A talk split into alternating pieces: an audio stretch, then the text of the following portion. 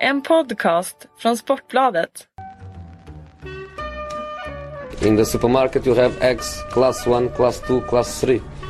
And some are more expensive than others, and some give you better omelets. That's the wrong information. Wrong, wrong, wrong information. I didn't say that. That's the wrong information. Do you think I'm an idiot?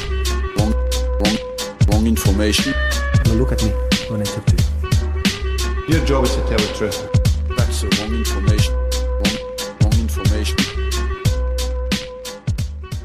Ja, där har vi den, vår eh, nykomponerade och, och ganska trevliga vignett tycker jag. Man får en liten, eh, en liten skön eh, Mourinho if you have Du hyllar dig själv nu alltså som har gjort Nej jag vignetten? hyllar Mourinho. Ja, okej, ja. Jag hyllar vin...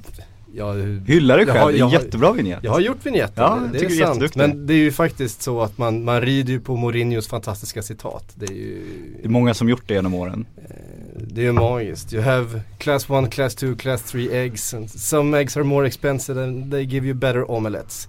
Och det är det vi ska försöka ta reda på här eh, idag. Vilka ägg som ska göra vilka omeletter nästa säsong. Med mig har jag idag som ni kanske har hört Patrik Sjögren. Och bredvid dig så sitter Erik Niva. Välkomna till eh, poddstudion än en gång. Tack! Ehm, och vi börjar väl med det som eh, väl har varit dagens eh, snackis. En utav dem i alla fall och det är de här eh, pigga unga herrarna Mexes och Alex. Eh, känner ni att det är fräscht och, och eh, att det är framtiden vi pratar om här så, eh, så är ni fel på det. För att eh, det är väl två ganska får vi säga, rutinerade herrar ändå som eh, vars kontrakt har gått ut och som nu, det är alltså ingen bytesaffär det handlar om. Men två killar som egentligen eh, snackas om att de ska byta plats. Känns det rimligt av två klubbar som PSG och eh, Milan att satsa på de här namnen? Det känns ju helt orimligt att Mexes skulle hamna i PSG. Att Alex hamnar i Milan kan jag väl se framför mig. Men att Mexes skulle hamna i PSG har jag ju väldigt svårt att få ihop på vare sig det tredje eller det fjärde sättet. Det är klart att någon form av Demichelis-kvot kanske han skulle kunna fylla rent eh, hårsvallsmässigt.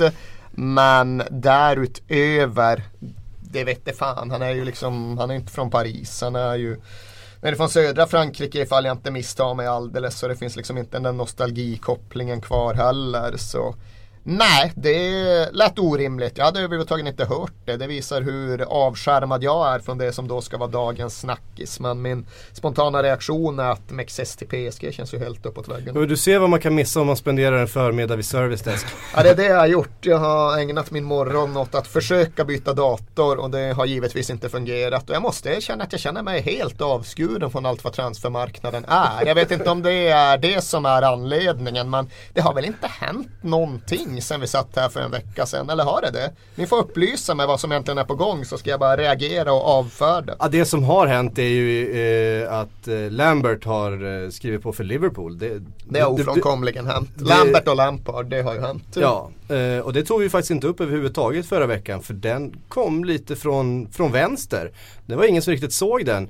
Hur, eh, vad ska man säga, naturligt det ändå, det ändå är för, för Liverpool att, att plocka in Eh, en återvändare, ska vi kalla honom det, även om han bara var 15 när han lämnade klubben. Nej, men han är ju absolut en återvändare. Han eh, sluter ju hela sin livscirkel i och med den här övergången. Och sen eh, så kan jag väl känna att alla öns- eh, jag har fått en enorm hord av önskan om att jag ska skriva Ricky Lamberts livshistoria. Vilket överraskar mig lite grann i och med att alla redan känner till den. Jag förstår inte riktigt vad värdet är att jag sitter och återupprepar berättelsen om rödbetsfabriken och allt det där eftersom att alla redan har hört den. Utan... Och, och, och Kalle Karlsson skrev ett dokument på honom i, i augusti. Det gjorde han med all säkerhet.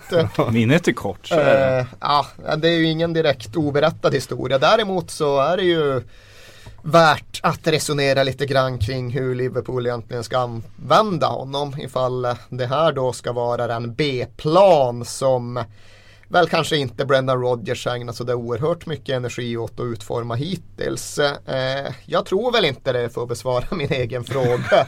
Jag tror väl att man kanske underskattar Ricky Lamberts förmåga att passa in även i det rådande Liverpool-spelet. Det var inte direkt så att Southampton under Pochettino var någon form av långbolls eller inläggslag utan eh, den spelmodellen ligger inte sådär vanvettigt långt ifrån den Liverpool använde sig av. Lambert har ju dessutom ett spelsinne som är mycket underskattat. Han har ju alltid haft väldigt bra assistpoäng till exempel. Så uh, känslan är väl att uh, Brendan Rodgers gör som han brukade säga. Hans B-plan är att utveckla och förbättra A-planen. Och ett led i det är väl i så fall värvningen av Ricky Lambert. Men det han gör är väl att bredda truppen. Det är det han pratat om att han ska göra. Han ska väl inte hitta en ny, en Erik Hamrén och testa ett, ett nytt spelsystem vid sidan om. Utan han ska väl helt enkelt ta in fler spelare som kan spela på samma positioner. Ja, det, så är det ju och det är klart att Lambert har ju också andra kvaliteter än Sturridge och Suarez och alla de människorna. Det är klart att hans huvudspel är bra att ha både på offensiva och defensiva fasta. Hans targetspel gör det också lättare att slå ett rakt uppspel lite då och då. Och det skadar ju inte. Men med allt det här sagt och med alla de här egenskaperna lyfta så är det väl svårt att se Ricky Lambert i startelvan under säsongens allra första match i, början av, eller i mitten av augusti. Eller vad säger du där borta? Eh, jo men så är det väl. Det är väl inte den positionen på planen där, där eh, Liverpool i första hand behöver spets. Eh, de har ju har en, en Luis Suarez förhoppningsvis i början på nästa säsong också och en Daniel, Daniel Sturridge, man vet ju aldrig. Ja, det är den spekulationen som är väldigt underhållande liksom. Ni förstår väl att Ricky Lambert är Suarez-ersättare som bara är liksom eh, skaffad i tid. Det var som Spurs gjorde med Gareth Bale-pengar, att man värvar ersättarna först och sen säljer man. Det är precis det Liverpool nu redan har gjort. Precis. Så anfallsparet är Lambert och Sturridge. Ja, Gå jämnt ut det där. Lambert Suarez, det är inget problem. Nej men det, det, som, eh, det som man framförallt har, tycker jag, en, eh, för en ganska billig peng får en eh, ett tredje alternativ på, på den här positionen eh, i första hand när det kommer till eh, en söndagsmatch efter ett Europaspel. Eh, du har en småsliten Sturridge, du har en, i och för sig en aldrig en småsliten Suarez enligt han själv som ju ska spela varenda minut eh, på säsongen, hur många minuter det än innebär. Um, men man får en kille som, som har drömt om det här i hela sitt liv och som kommer kanske ta den där extra, extra löpmeten för, för ett Liverpool. Eh, som ju han har vuxit upp ihop med. Eh, han kommer ju aldrig klaga i alla fall. Nej, han kommer, han kommer aldrig sitta där. Det hade han ju inte gjort även om han hade gått till vilken klubb som helst så är han ju en, en, en lojal och en eh, ja, den typen utav, utav karaktär helt enkelt som, som eh, sitter på bänken utan att, utan att gnälla egentligen. Jag tror inte han hade suttit som... på bänken i Southampton utan att gnälla. Den karaktären eh, kopplar jag inte riktigt ihop med honom. Men såklart hade han gått till Manchester United eller något annat ja. så hade han betett sig på det sättet också. Att Sen, sen är det ju rörande det här, alltså själva historien och romantiken att han sitter, han har svårt att hålla tillbaks tårarna när han får liksom frågan och när han fick frågan före det var klart att ja vad säger du om de här Liverpool-ryktena, det, liksom, det bara lös rakt igenom. Ja jag kan inte kommentera det just nu men det, hela kroppsspråket bara liksom, han ser ut som en femåring som har vunnit den största påsen godis på, på, i fiskdammen liksom. Det är helt fantastiskt att se. Sånt gillar man ju som fotbollsromantiker. Det är klart att man gör och man gillar att Brendan Rodgers inkluderade i ekvationen. Det är mm. inte så att han bygger ekvationen på det här faktumet. Och jag såg väl att Lambert själv hade försökt tona ner det där genom att prata om att eh, det inte finns någon romantik inom fotbollen utan det bara är rationalitet som styr. Men det gör han ju lite grann för att hävda att det var oundvikligt för Liverpool att, att köpa honom i och med att han har så fantastiska jävla kvaliteter som ingen klubb kan vara utan. Mm, och, han utvecklas bra ålder. Ja, men man ska inte, man ska men inte, man ska Rodgers heller... väger ju in sånt där. Rodgers förstår ju just den kulturella kraften i vad Liverpool Football Club mm. verkligen är och eh, vad det rymmer. Och någonstans där i finns ju även en återvändande Ricky Lambert på samma sätt som Robbie Fowler en gång kom tillbaka och gjorde sin grej mm. under en period. Och jag tror ju också Lambert han kommer ju få sina matcher. Det är inte snack om det. Nu kommer ni faktiskt behöva spela lite den här säsongen också. Ni kan inte bara jogga runt i 38 matcher och tro att det räcker. Utan nu ska ni väl upp i 50-55 matcher åtminstone och då får ju Lambert 31. Något Ja. sånt. Det ska jag vara nöjd med. Sen ska man ju inte underskatta att jag menar hela, hela eh, Kirby kommer ju eh, gå man ur huset för att eh, följa sonen som har återvänt. Eh, det, det kan vara en del värt på hemmaplan. Hela Kirby går för att kolla på Leighton Baines vet du. Och vi får väl se. Det är väl kanske mycket, mycket Everton i Kirby just nu då. Kanske blir lite mer, lite mer rött i den delen utav, utav Liverpool. Hur som helst, vi rör oss vidare. Vi, vi tar oss ner till Spanien. Vi, vi hoppar lite fram och tillbaka här. Det tycker jag eh, låter alldeles utmärkt. Eh, Rakitic, en av de mest eftertraktade spelarna eh, inom den, den europeiska fotbollen den här sommaren vad det verkar. Eh, det har pratats om i stort sett varenda storklubb i, var, i, ja, i hela Europa. Nu är det väl de tre, ska vi säga de tre, the big three i Spanien. Har det blivit så? Har det blivit en big three nu? Från att ha varit en big two med Atletico Madrid. Den här, kanske- den här säsongen, räcker det? Nej, alltså det är klart att Atletico Madrid kommer ju aldrig kunna mäta sig strukturellt med vare sig Real Madrid eller Barcelona och jag säger verkligen aldrig och menar det. Däremot kan ju Atletico Madrid fortsätta bygga på det de eh, skapat under de senaste åren och på så sätt vara ett någorlunda rimligt alternativ även för en Rakitic. Men det är väl dessvärre alltjämt så att ifall Barcelona och eller Real Madrid verkligen vill ha Rakitic så nog 17 får de loss honom. Atletico Madrid har ju vare sig de ekonomiska musklerna eller den här liksom globala karisman tillräckligt för att mäta sig. Utan de måste ju i så fall hävda andra värden. De måste få Cholo Simeone att peka på att precis det här har ju precis jag tänkt med precis dig och få de orden att tala till honom i så fall. Sen ska man ju prata, alltså om man ska ta de här ryktena så är det ju, vem har berättat att Barca, Real och Atletico är intresserade? Jo det är ju Rakitic agent. Hade Vem är Barca Rakitic agent? Vet vi det? Ja, vi, vi måste släppa agenterna. Vi kommer till Jajas men du får inte, du får inte in gräva ner dig i dem varje gång. Nej men liksom hade Atletico, Barca och Real varit intresserade då hade ju inte Rakitic agent varit tvungen att gå ut och säga det liksom. Då hade han ju knappast gjort det. Då hade ju liksom allt, alla redan varit vid förhand- förhandlingsbordet. Så att, att han säger det nu tyder väl på att alla tre står inte och knackar på dörren just nu, det tror jag inte. Nej. Eh, vart hamnar de då tror ni? Om ni bara får gissa. Kanske blir någon, kanske, kanske blir England, kanske blir rent av Tyskland. Ja, alltså det Nu blir det ju den delen av den här silly season spekulationen som jag tycker är svårast liksom. Vad ska jag säga liksom?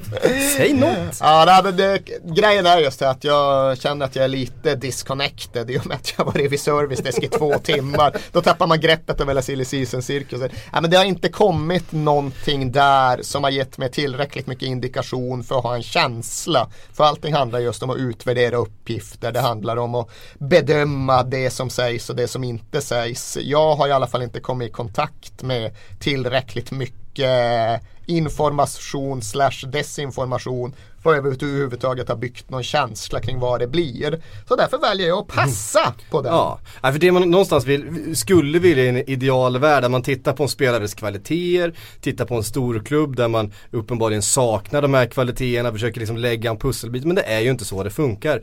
Det är ju inte så det någonsin egentligen blir utan det är det är sportchefer och agenter och det är pengar eh, som lägger sitt eget pussel lite på ehm, Ja, det, är- det är väl Bayern München som kan titta, Javi Martinez, han passar in, han tar vi. Det är väl, det är väl nästan bara dem. Alla andra är ju så här, tillfället gör tjuven som det står alla, alla parkeringsgarage liksom. Gäller att slå till när det dyker upp något. Precis. Och det är ju det som är hela anledningen, hela rättfärdigandet av att vi ändå sitter här. Hade det fortfarande varit en transfermarknad som bara gick ut på att hitta en spelare som motsvarade ett behov i en klubb som hade möjlighet att köpa då hade det inte varit lika kul. Det hade varit betydligt mer sunt. Men det hade varit Exakt. långt mycket mindre att analysera och spekulera kring. Och det hade ju uppriktigt sagt inte varit riktigt lika roligt heller. Nej, ehm, roligt. Om vi, om vi försöker segwaya här tillbaks till England då. Vi, via Jag gillar Spanien. nu när du har lagt, nu jävlar får det lov att bli kul. Nu jävlar får det lov att bli kul. Roligt! Så mycket emfas och entusiasm så nu, Får nu har du mycket att pegga, du har peggat upp en hög boll. Får vi väl hoppas att eh, Cesc Fabregas har haft under sin tid i Barcelona. För nu verkar den vara över. Vad tycker vi om övergången först och främst? Alltså inte Käsk då utan Syk. Alltså jävla kul var det Nej jag tycker inte heller det, den här följer Vi får väl faktiskt. hoppas att han haft roligt. Ja, han har inte haft under, så vidare kul. Under sin tid. Nej det har han väl inte och det blev väl inte riktigt som, som varken han eller Barcelona hade tänkt sig. Eh, och nu är det väl en flytt tillbaks till England som står för dörren. Eh, I alla fall enligt de ryktena som florerar just Ja men nu. så mycket känsla har jag fått. Där har det just Ja. eh, cirkulerat så mycket information och där har det hänt så mycket. Där har spelat så många matcher. Det finns det så mycket kroppsspråk att tolka under så lång tid att ja, där är ju min känsla att eh, Barcelona-tiden är över igen för Cesc Fabregas och det trodde man ju inte. Man trodde att han skulle återvända som Xavis arvtagare och ja, hans bakgrund inom FC Barcelona och hans släktkoppling till den klubben är ju väl dokumenterad. Så det är ju intressant och oväntat att konstatera att det verkligen har skurit sig och det har väl framförallt skurit sig mellan Fabregas och en stor del av Camp Nou-publiken. Och oavsett vad nu folk tror sig veta om den så är den ju inte helt apatisk och livlös och åsiktslös utan den, den, den kan absolut visa sitt missnöje när den inte är helt belåten och det har ju vuxit fram ett stegrande missnöje med Cesc Fabregas och det tror jag har extra stor påverkan på honom just i och med att han har den här bakgrunden. Han kom dit lite grann för att eh, bli då Chavis arvtagare trodde man. Nu ryktas det om att Chelsea vill göra honom till Lampards arvtagare. Har han den potentialen? Patrik? Alltså, jag tror först och främst om man ska, det påstås ju att Chesk vill flytta till England för, av familjeskäl också. Att han vill att hans barn ska, ska växa upp i England och sådär. Men, men de uppgifterna från Spanien som kom sent igår var i alla fall att, och tyder på om man tittar vad som hände förra sommaren är ju att det inte är Chesks val att gå utan att det är Barcelona som vill, vill sälja Chesk. och ska man då prata om ryktena så, så är ju känslan nu att det här är Cesks agent nu som liksom plöjer marknaden, kollar vad det finns, lägger alla alternativ på Vem är Cesks sen- agent? Sen ska Cesk bestämma sig. Nu tänker jag undvika agentfrågor. För jag känner att du har en kunskapslucka i din roll som silly season eh, Nestor här. Alltså. ja, efter ett antal år på nätet och studerande av klicksiffror och annan, annan statistik så kan jag konstatera att agenter sällan är av största intresse. Ja, då folk bryr sig inte om agenter, det är vad du säger. Förvånansvärt Fan, lite är det med faktiskt. folk? Ja, jag menar det. Så därför undviker jag agenter nu, tills vi kommer till Jajas agent, som vi kommer lite senare till kanske. En liten cliffhanger. Nej men då är känslan, det är Barcelona som säga Chess. Det var lite samma förra sommaren. Han var ju på väg till England då också, till slut tog han beslutet, vilket han sa på den här presskonferensen, får man väl ändå tro på. Att han valde att stanna i Barcelona. Och nu är ju frågan vilka alternativ som kommer. Nu, City ska inte vara intresserade enligt The Guardian i alla fall, som jag ju tror lite mer på än de andra dasspapperna i England eller vad vi brukar kalla dem för. Och Arsenal verkar inte heller supersugna. Ja, det där är ju den pikanta punkten. Det är ju där man verkligen är intresserad av att se vart det tar vägen. För ja, det tycks väl vara så att det finns eller man kan väl uttrycka sig som så. Det finns en, en återköpsklausul. Sen ifall den är faktisk eller ifall den är mental. Det är väl frågan. Men jag tror absolut att Cesc Fabregas skulle välja att återvända till Arsenal oavsett vilka andra som var intresserade om bara Arsenal visade att de verkligen ville ha honom. Men ja, det är ju där vi står nu. Visa Wenger det. Wenger som hade the greatest conversation of Cesks life när det var dags, dags för Fabregas att lämna klubben. Jag undrar fortfarande så mycket vad som sades i den där konversationen. Men är det så att Wenger anser sig ha gått vidare? Han har ju alltid varit osentimental vad gäller relationen till sina gamla storspelare. Och jag såg faktiskt, det var en intervju med med Jens Lehmann och det kan ju aldrig bli ointressant. men eh, det var intressant. Det är inte ett- Tim Wiese men det är Nej, nästan. Nej, det är nästan. Det är samma, samma kulturella tradition. Och han pratade om lite andra saker än man kanske förväntar sig. Han pratade inte så mycket om eh, galna utspel och utskällda bollkallar och allt sånt där. Utan han pratade om just eh, ett Arsenal som gradvis förändrades. Och det Lehmann sa att ja, men den stora förändringen rent spelmässigt det var ju när Cesc Fabregas kom och slog igenom. Och det sammanföll ju med flytten eh, till Emirates och med liksom ja, titeltorkan som givetvis inte ska läggas på Cesc Fabregas. Men det han ändå betonade var att tidigare var ju Arsenal ett direkt lag de eh, det var ju två tillslag som var de nere vid motståndarnas kortlinje.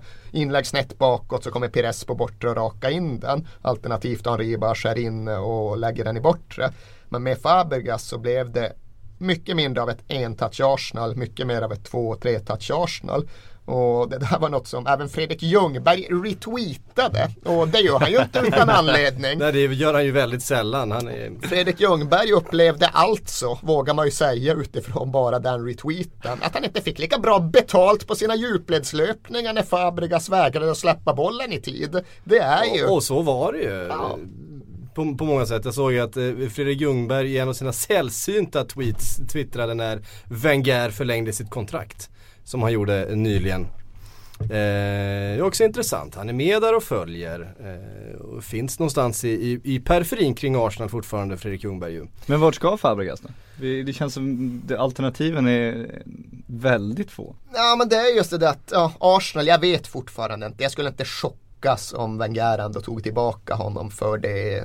Det finns ju fortfarande en jäkla spelare i Fabregas och det finns ju uppenbara band eh, Eh, det skulle reenergisera den klubben ifall Fabregas kom dit och verkligen tog sig an manteln. Då hade han på lite sikt kunnat bli en ny typ av ledarfigur, en sådär som man alltid tjatar om och då hade han kanske kunnat få tillbaka den eh, status som han hade för bara två år sedan eller något i den stilen. Så jag utesluter inte den övergången. Sen tror jag att Manchester United-hierarkin jättegärna tar in Fabregas eh, och det finns ju ett uppenbart behov på deras innermittfält och hans status i England är ju alltjämt högre än den är i både Spanien och Sverige för där noterar de ju lite långsammare att det kanske inte gick som det skulle i Barcelona.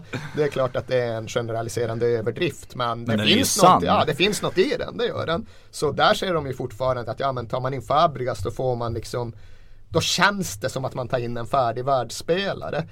Man United, där är ju också frågan, ja vad har förändrats med van Gaal? För van Gaal kan ju mycket väl, han kanske hellre vill ha dit Jordi Klasi, det är ju fullt möjligt. Chelsea det är en ganska ny länk. Det känns som att den uppstod i och med att Frank Lampard aviserade sin flytt. Och jag vet väl inte, jag kände väl att Matic var väl Frank Lampards efterträdare redan när han kom in. Ska just Sesk in och spela det spel han spelar. Då känner jag att, ja, vem är, vem är Chelseas Jens Lehmann nu för tiden? Mark Schwarzer får sitta och twittra om några år att jävlar, då händer det stora saker med Chelseas spelmodell. När Fabregas kom in och började spela smånät på två touch. Så jag vet inte, jag har ju noterat att den länken har kommit med rätt stor kraft det senaste dygnet. Men ja, Det är ett enkelt pussel att lägga än är jag inte övertygad. Jag tror ju Arsenal och Man United ligger närmare i så fall. Precis. Ehm, vi eh, rör oss vidare. Arsenal, där kom det rykten igår att man var överens i princip i alla fall med en spelare. Eh, bara en sån sak. Eh, Till skillnad från en agent eller? Nej, men till, skillnad, till skillnad från en klubb. Eh, att man då ska ha, ska ha eh, kommit överens om någon sorts terms men att man inte är färdiga med förhandlingen med QPR som det rör sig om i det här fallet. Och det är Loic Remy, eller Loic Remy. Om, Ja, om, in om- med Simon Bank nu, fan. Ja. läsa upp det här. Ja för du, du, du, Stavelse du för försökte stavelse. rätta mig tidigare. Nej men jag spelade FIFA med Simon Bank och så var jag Newcastle så krossade jag honom fullständigt, det vill jag understryka här ordentligt. Ja, det förvånar mig ju- inte kan jag Nej. faktiskt betona. Nej men då hade jag en remy på topp som jag gjorde hattrick och då, eh, då blev Simon så arg så han bara skällde ut mig för mitt uttal när jag liksom hade Det var där frustrationen fick utlopp. Men det är ju ändå liksom, man inbillar sig att det är ett av de lättare frankofona namnen. Ja. Liksom, det är åtta Ja. bokstäver, Ja. vad kan gå fel? Det är massa apostrofer och skit det där är också. det. Det. Dubbelpricken där på i vad är det för Vad är det för något? Precis. Um, Den här upp och nervända, jag vill ha ett ord om den upp och nervända triangeln ovanför till exempel E i Benoit Souekoto. Ja. What's all that about liksom? Nu får Nej, de fan det- skärpa sig Ja, alltså. den upp och nervända triangeln ja, Då har det fan gått för långt. Om jag ska vara riktigt ärlig så jag är inte säker på att alla fransmän vet heller. Nej, vadå, lite rödvinsdimmer så kommer man undan med det mesta.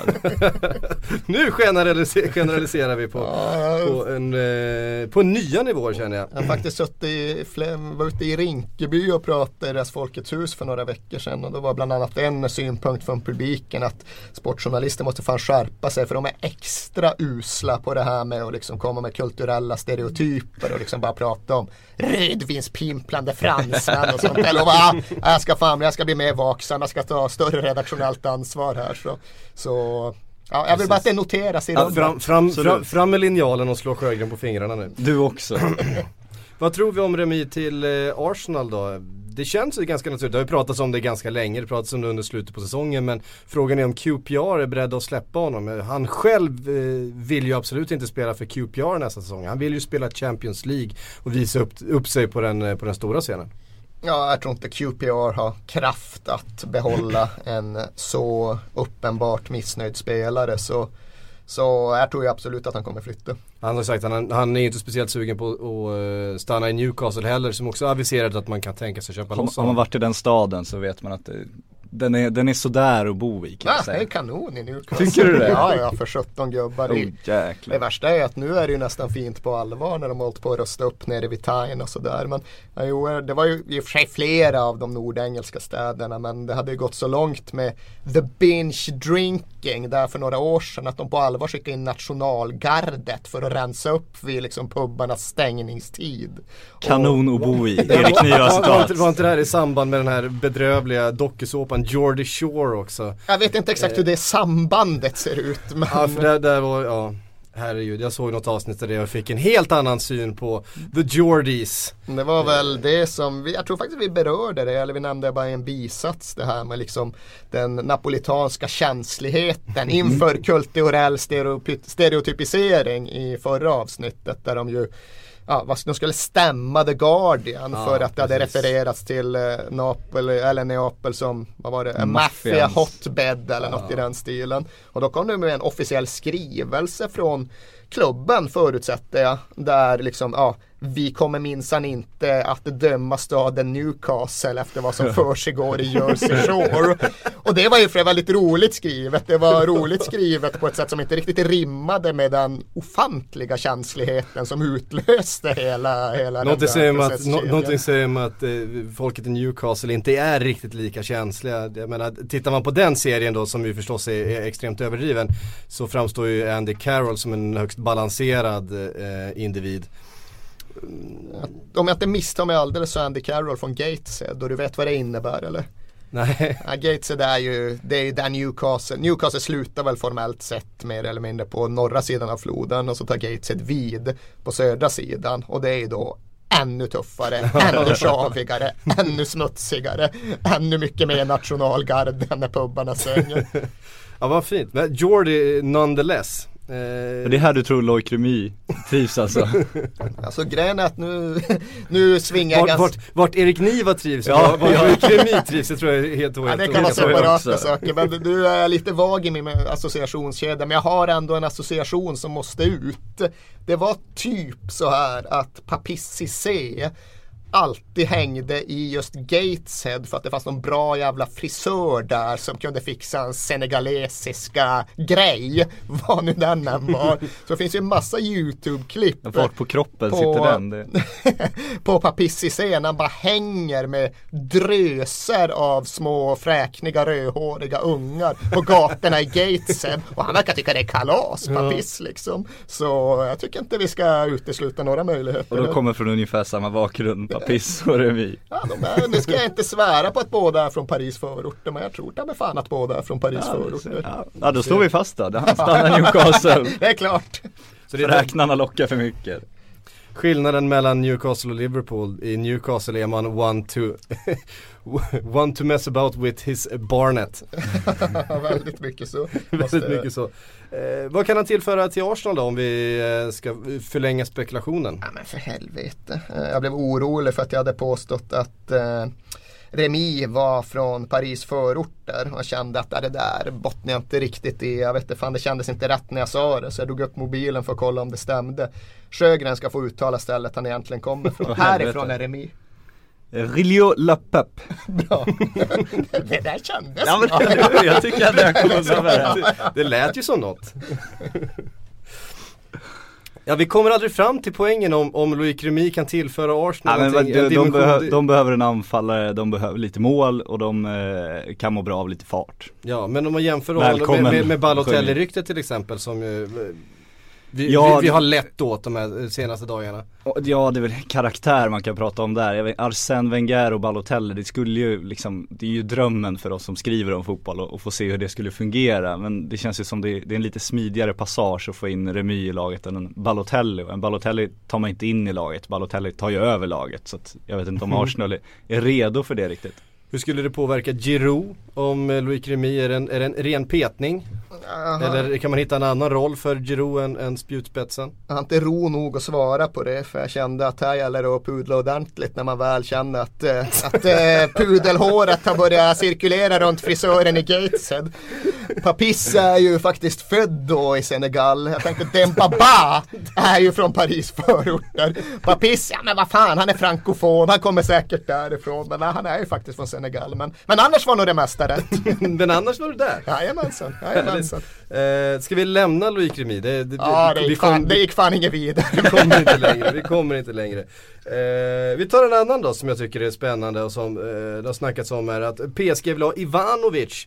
Eh, och Daily Mail har eh, till och med hakat på en summa på 15 miljoner pund vilket ju känns otroligt billigt för en av Chelseas viktigaste spelare, Branislav Ivanovic som Ja, en riktig stöttepelare som kan spela i stort sett på vilken position som helst i backlinjen. Eh, skulle även kunna ta en defensiv mittfältsposition om så nöden k- eh, krävde.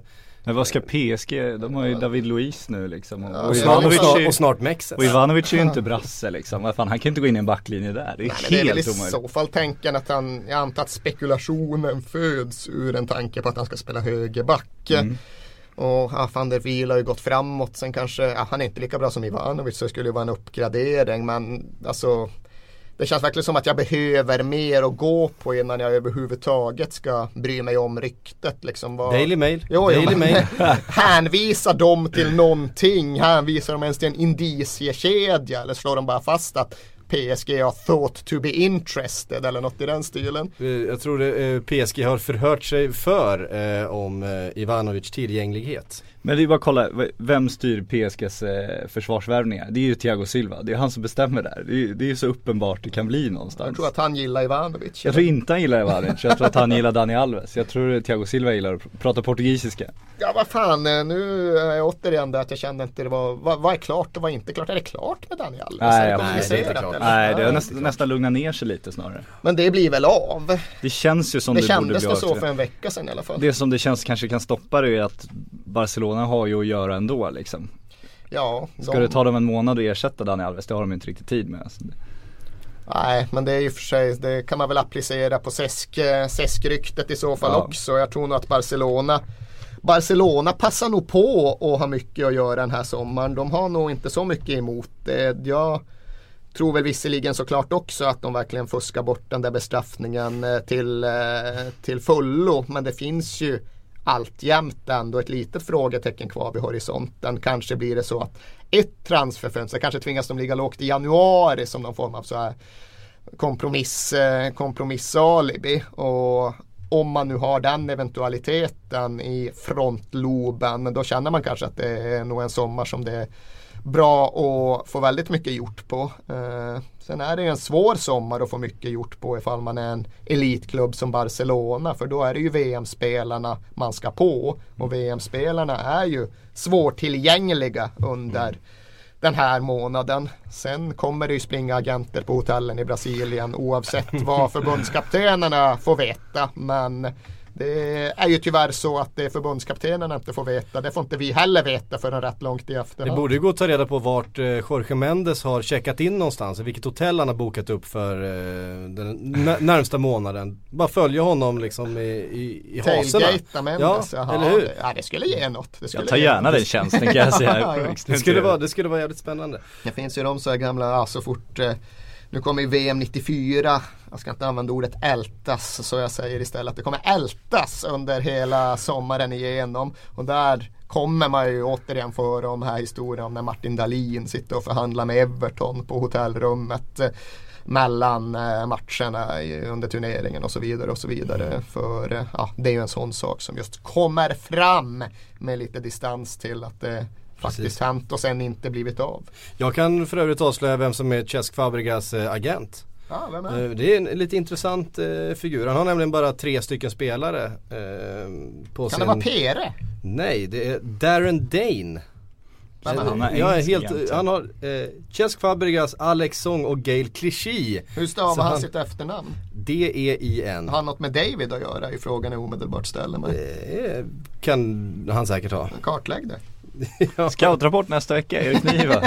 På Darren Dean. Darren Dean. Ja, Dean kanske det ska uttalas. Vi släpper, vi pratar Eh, bara agenter Vi pratar bara agenter men det är ändå Ja, men det är spännande. de som är- det är de som är Fabregas, Fabregas. Song och Clichy. Det är ju eh, tre försäljningar från Arsenal. Det är en specialitet som den gode Darren har. Han verkar ha bra kontakter i Barcelona också. David Deans son. så Där ser där ja. Herregud. Eh, Ska du ta hela Dane-familjen nu då? För de är oinsatta. Ja det kan jag absolut göra.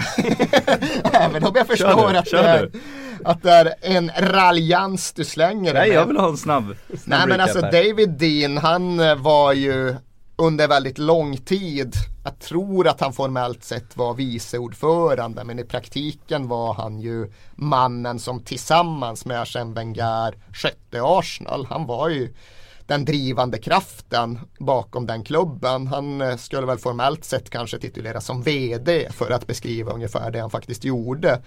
Sen så lämnade ju han klubben för, hur många år kan det nu vara sen?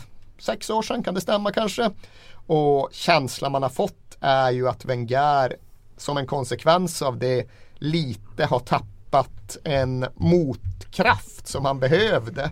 För som många framgångsrika konstnärliga duos så blir ju aldrig Paul McCartney samma sak utan John Lennon. Och det där, ja, men David Dean kändes lite mer eh, världstillvänd. Han var lite mer pragmatisk och lite mindre ideologisk. Hade han varit kvar i klubben så tror väl jag med flera att Arsenal hade varvat lite mer, lite dyrare, lite mer etablerat under den senaste femårsperioden. De hade kanske varit lite mer erfarna och cyniska på planen som en konsekvens. Och de hade kanske bräckt sin titeltorka aningen snabbare än de faktiskt gjorde. Eh, så det var David Dean i eh, väldigt hastigt Men koncentrat. ska det sig mellan dem när han lämnar?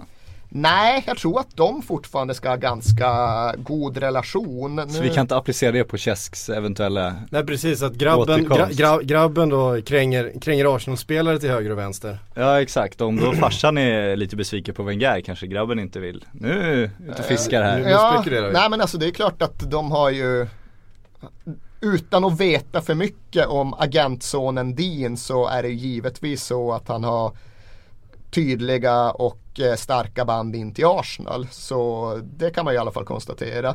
Men jag kommer fan inte ihåg det här men min definitiva känsla att det var inte Wenger det skar sig med utan det var liksom mer, inte vet jag, Kronke kanske eller liksom några av eh, de med stort aktieinnehav. Eh, så jag vet inte, det är en tolkning som ska göras men jag känner mig inte exakt mogen att göra den. Hur det påverkar Fabregas att det är David Deans son som representerar honom. Mm. Det, det om eh, nu ska vi faktiskt få en eh, liten uppdatering av vad som händer på den eh, italienska halvön och Calciomercaton där nere. Eh, vi tar och slår en signal till Nico Bonassi Farback och så är vi tillbaks. Så när vi kommer tillbaks ska jag bara säga, då ska vi få en scoutingrapport på Yahya Tourés agent. Vi ska få en scoutingrapport på eh, en ung eh, fransman i PSG. Vi ska svara på frågor och sen ska Erik Niva få ha en utläggning, utläggning om Pochettinos framfart i Tottenham. Se där. Eh, men nu tar vi och slår en signal till Nico.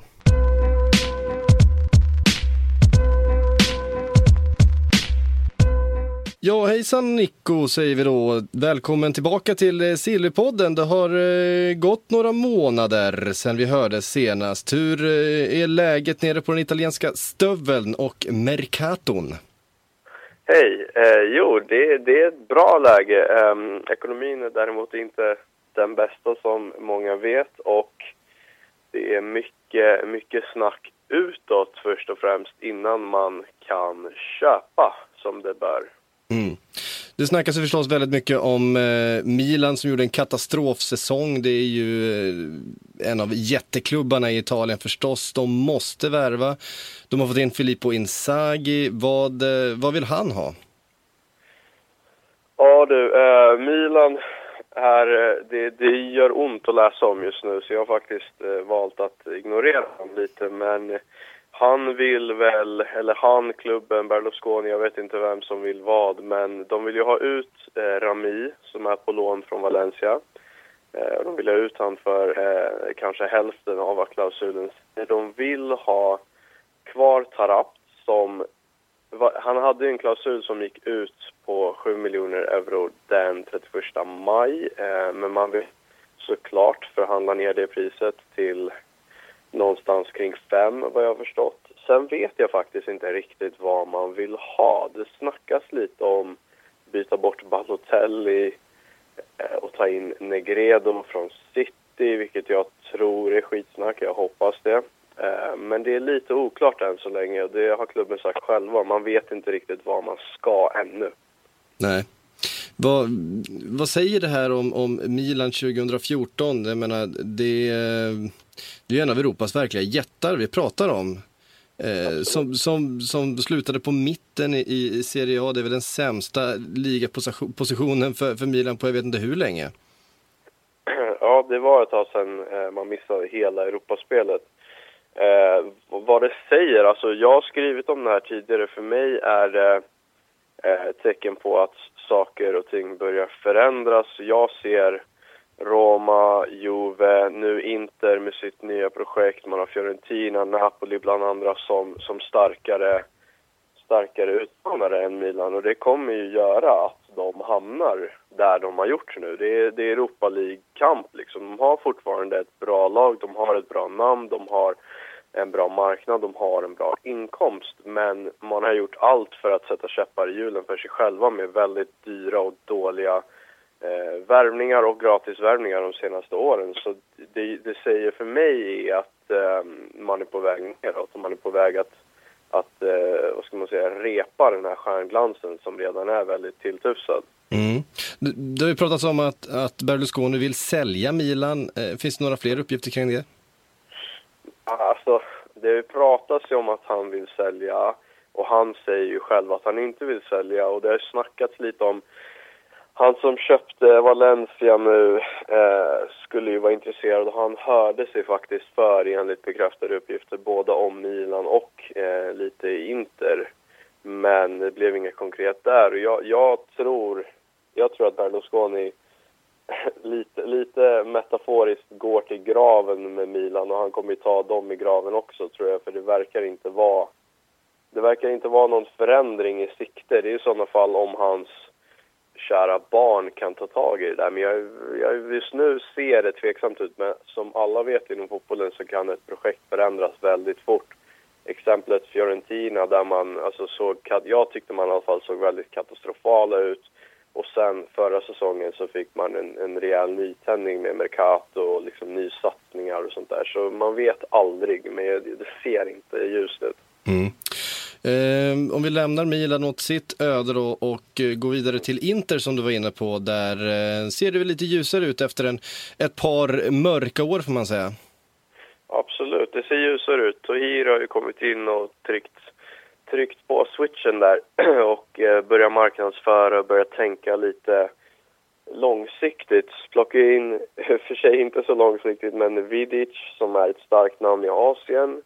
Eh, han plockar in Tom Ince nu, vilket är riktigt kul att ha en engelsman i Serie A, men det är också väldigt kul historiskt sett för hans far, Paul, spelade ju Inter på 90-talet tror jag det var och eh, sen blir det väl ett par till värvningar på det. Man snackar lite vänsterback, Sekeira från Benfica som inte köptes ut av dem och är i Granada. Man pratar lite mittfältare etc. etc. Det ser faktiskt ljust ut för Inter. Mm. Spännande, eh, se vad de kan åstadkomma. Den stora är ju förstås eh, Juventus, man vann eh, Serie A, man är också den klubben som faktiskt har lite pengar att röra sig med. Vad, vad är de senaste ryktena från den gamla damen? Ja, eh, man, man har ju absolut pengar att röra sig med. Även om jag, vad jag läste så, så gick de lite mer back än man hade önskat. Ehm, och därför, folk förstår inte riktigt varför man sålde sin halva av Immobile nu till Dortmund. Eh, Immobile vann ju skytteligan med 22 mål och man ägde ju hälften med Torino och klubbarna sålde nu för ungefär 10 miljoner euro var till Dortmund, vilket är enligt mig ett dåligt pris. Det är för lågt, men man gör det för att balansera böckerna. Man tar in 10 miljoner nu i Juventus och sen så köper man in en spelare som Morata från eh, Real Madrid som ryktas väldigt starkt. Han har sagt ja till Juventus, klubbarna pratar, de har bara inte bråttom helt enkelt. Eh, och han plockar man in, vad man försöker göra i alla fall, på lån med köpklausul nästa år. Vilket gör att i böckerna ser det ut som att man har fått pengar från Immobile och sen tagit in Morata gratis. Och det är lite därför man gör en sån deal och tar in en lite mer oprövad, så att säga, spanjor som aldrig har spelat i Serie A och säljer Serie A's skyttekung. Mm. Um, utöver det så snackas det mycket försäljningar också kring Juventus. Det är väl Llorente som snackas till Valencia. Jag tror inte han lämnar. Det snackas ju om Vidal till Real Madrid. De har lagt eh, relativt bekräftat 50 miljoner på Vidal då, um, som han tackar nej till. Det snackas ju om Pogba som jag tror stannar. Men eh, om vi snackar inåt så, så är Drogba i princip låst till Juventus. Eh, men man sitter och funderar lite på, ska man ta in han gratis eller ska man ta in kanske Morata eller ska man, alltså jag vet inte riktigt vem som är alternativ till vem. Men jag vet att Drogba är i princip klar om man vill. Man har Morata som är väldigt nära och sen har man även ett par namn till på den här listan. Quadrado, Fiorentina, eh, Sanchez, Barcelona. Jag tror att man tar in två stycken nya anfallare för Vucinic och Quagliarella lämnar och Osvaldo drar tillbaka till England. Mm. Spännande. Vi, eh, vi kan röra oss lite söderut ner till eh, Napoli och Rafa Benites projekt där. Eh, man var ju väldigt nära att lyckas i Champions League eh, bland annat den här vintern. Har ett spännande lag. Vad, eh, vad finns det för rykten kring den klubben? Napoli kommer göra en väldigt, väldigt, väldigt stark sommar. Man har mycket pengar som vanligt. Varför vet jag inte. Ehm, och man har ju köpt in den kära Koulibaly från Genk, om jag uttalar det rätt, från Belgien som, som är Belgiens nästa stora mittback. Vad man säger, man betalar väl sju eller åtta eller nio miljoner eh, euro för honom. Eh, väldigt tung, tung eh, kille att ha i mitten. Och sen så har man eh, två mittfältare i sikte och det är väldigt, väldigt, väldigt många namn. Man snackar om allt från Javi Martinez i Bayern München till eh, Mascherano. Här senast så har man bekräftat lagt bud på Sandro i Spurs. Men man har bara lagt 10 miljoner euro, vilket är um, ungefär hälften av vad Tottenham vill ha. Men det kommer hända väldigt mycket. Man har lagt bud på Ajev från Marseille och man kommer helt enkelt att köra en väldigt stark offensiv för att faktiskt lyckas utmana Juventus. Mm. Eh, spännande där. Eh, Reina som ju stått i mål på lån från Liverpool, där är väl framtiden ganska osäker också. Vad, hur resonerar Napoli kring målvaktspositionen?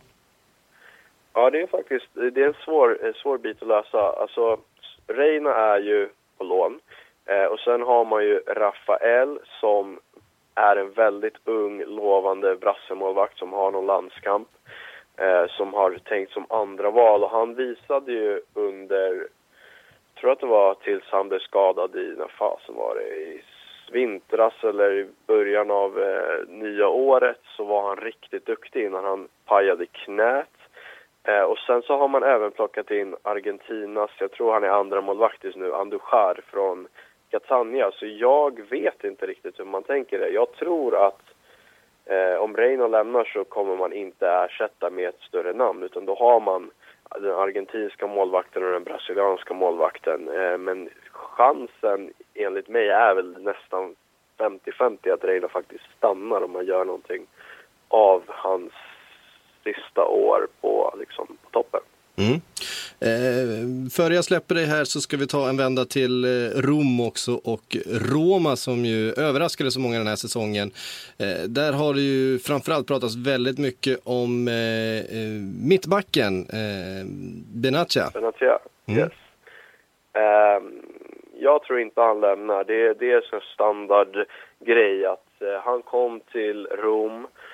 Han fick relativt låg lön om man tittar idag. Eh, han tackade nej till stora klubbar för att komma till Rom eh, och lovades ett större kontrakt om han gjorde det bra ifrån sig. Och sen så har han gjort det jävligt bra ifrån sig och eh, vill nu ha ett jävligt stort kontrakt om jag får säga så. Eh, och då har han inte riktigt fått det och då blir det så att agenten går ut och gråter och Benatia blir lite förvirrad själv. Han vill ha mer pengar.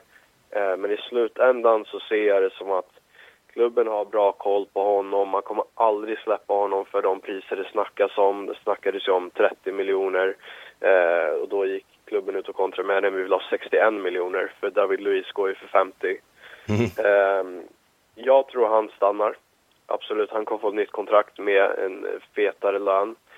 Sen tror jag även att Roma kommer att eh, förstärka ganska, ganska så skönt ehm, på sina håll också. Så jag tror att de behåller sina nyckelspelare. Möjligtvis så kan Pjanic ännu lämna om det är så att ett monsterbud kommer från PSG. Men då snackar vi 40 miljoner plus tror jag, 35 åtminstone.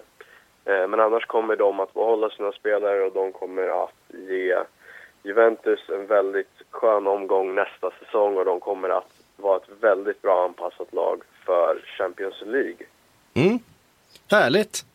Där fick, vi, där fick vi en genomgång av åtminstone de, de stora klubbarna. Är det något annat som, som eh, du vill lägga till som har hänt i någon av de övriga? Eh, nej, egentligen inte alltså. Det är säkerligen någonting jag missar nu bara för det. Men eh, det, det är väl, ja, ett, ett skönt rykte som alltså det är på gång och det är en favoritspelare till mig är eh, Gaston Ramirez från, tror han är Southampton. Southampton, ja, precis. England, precis. Och han är eh, på väg till Torino faktiskt. De kommer ju släppa, eller de har redan släppt Immobile och har lite pengar att röra sig med och de har nästan en deal för den spelaren. Han vill ju tillbaka till Italien. Eh, det enda som stoppar är att Torino vill ha rätten att säga nej i slutet av lånet och inte behöva köpa honom medan Southampton vill ha en, eh, en måste-klausul där, där Torino måste köpa ut honom. Men det är en deal som är på gång som jag gillar personligen. Mm. Spännande. Hörru du Nico, vi får anledning att höras fler gånger den här sommaren. Ehm, Men tills vi hörs nästa gång så får du eh, ta det försiktigt. I, sommar, i sommarvärmen. Och med Mercaton. Detsamma, detsamma Patrik.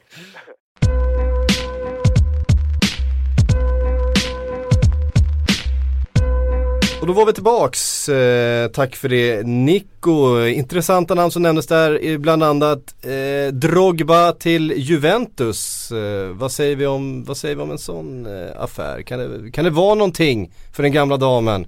För den gamla damen som ju, eh, på lite vad som händer med Jorente tror jag, de har ju TVs där också. De ska väl bygga för framtiden Juventus, jag vet inte hur kortsiktigt de ser Han kan väl in och göra några mål där men jag, jag vet inte. Det känns också tidigt på något sätt. Drogba ut efter klubb, det finns Klart Juventus kan nämnas. Ja, eh, vi får väl se vad som händer. Ehm, nu Erik, nu ska vi prata Pochettino. Ja, Känns det som en eh, klockren utnämning för ditt kära Spurs att plocka in Southamptons väldigt framgångsrike ehm, Ja vad är han för? Han är argentinare. han, är, spelar ju chansa på Jag blev, väldigt, väldigt eh, Nej, jag tror inte jag behöver chans. Jag är rätt säker på att han är från Rosario, vilket ju är Oj, oj. hela världsfotbollens huvudstad. Det finns ingen stad av jämförbar storlek som producerar så mycket begåvning som Rosario gör.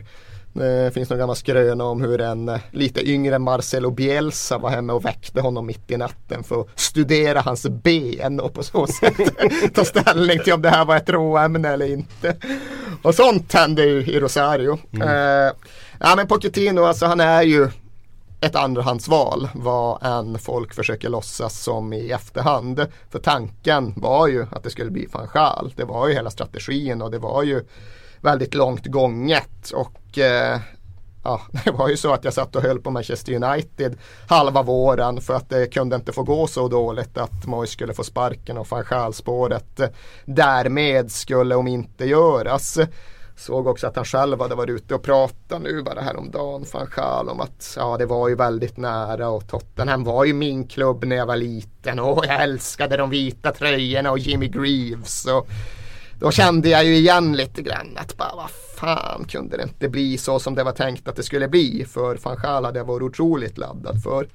Pochettino är jag också belåten med för utifrån hur startfältet såg ut när första hästen då blev struken så fanns det inte så där jättemycket som jag hade känt mig mer entusiastisk inför.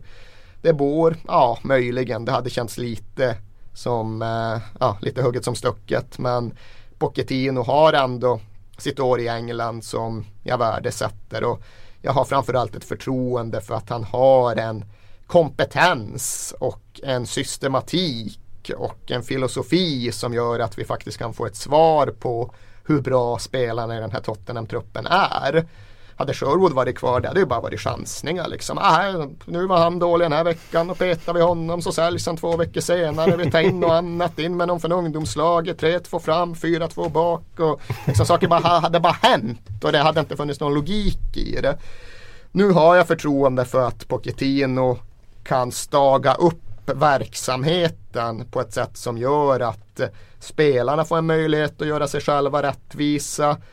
De kommer ha chansen att eh, trimma ihop ett system som gör att eh, vi på en säsongs sikt eller så kan bedöma just hur bra den här truppen egentligen är. Min misstanke är väl att ja, tabellplaceringen kanske inte kommer förändras så det är vanvettigt mycket men eh, att Tottenham kanske når dit av som en konsekvens av ett eh, målmedvetet och välgenomfört arbete snarare än en konsekvens av lite bondtur och lite slump och lite studs hit och dit och, eh, och så vidare. Så för att summera, jag är nöjd med Pochettino utan att vara extatisk som jag hade varit med van han ärver ju ett eh, fortfarande ganska nykomponerat lag som köptes ihop under förra sommaren i eh, svallvågorna utav eh, Gareth Bale-affären.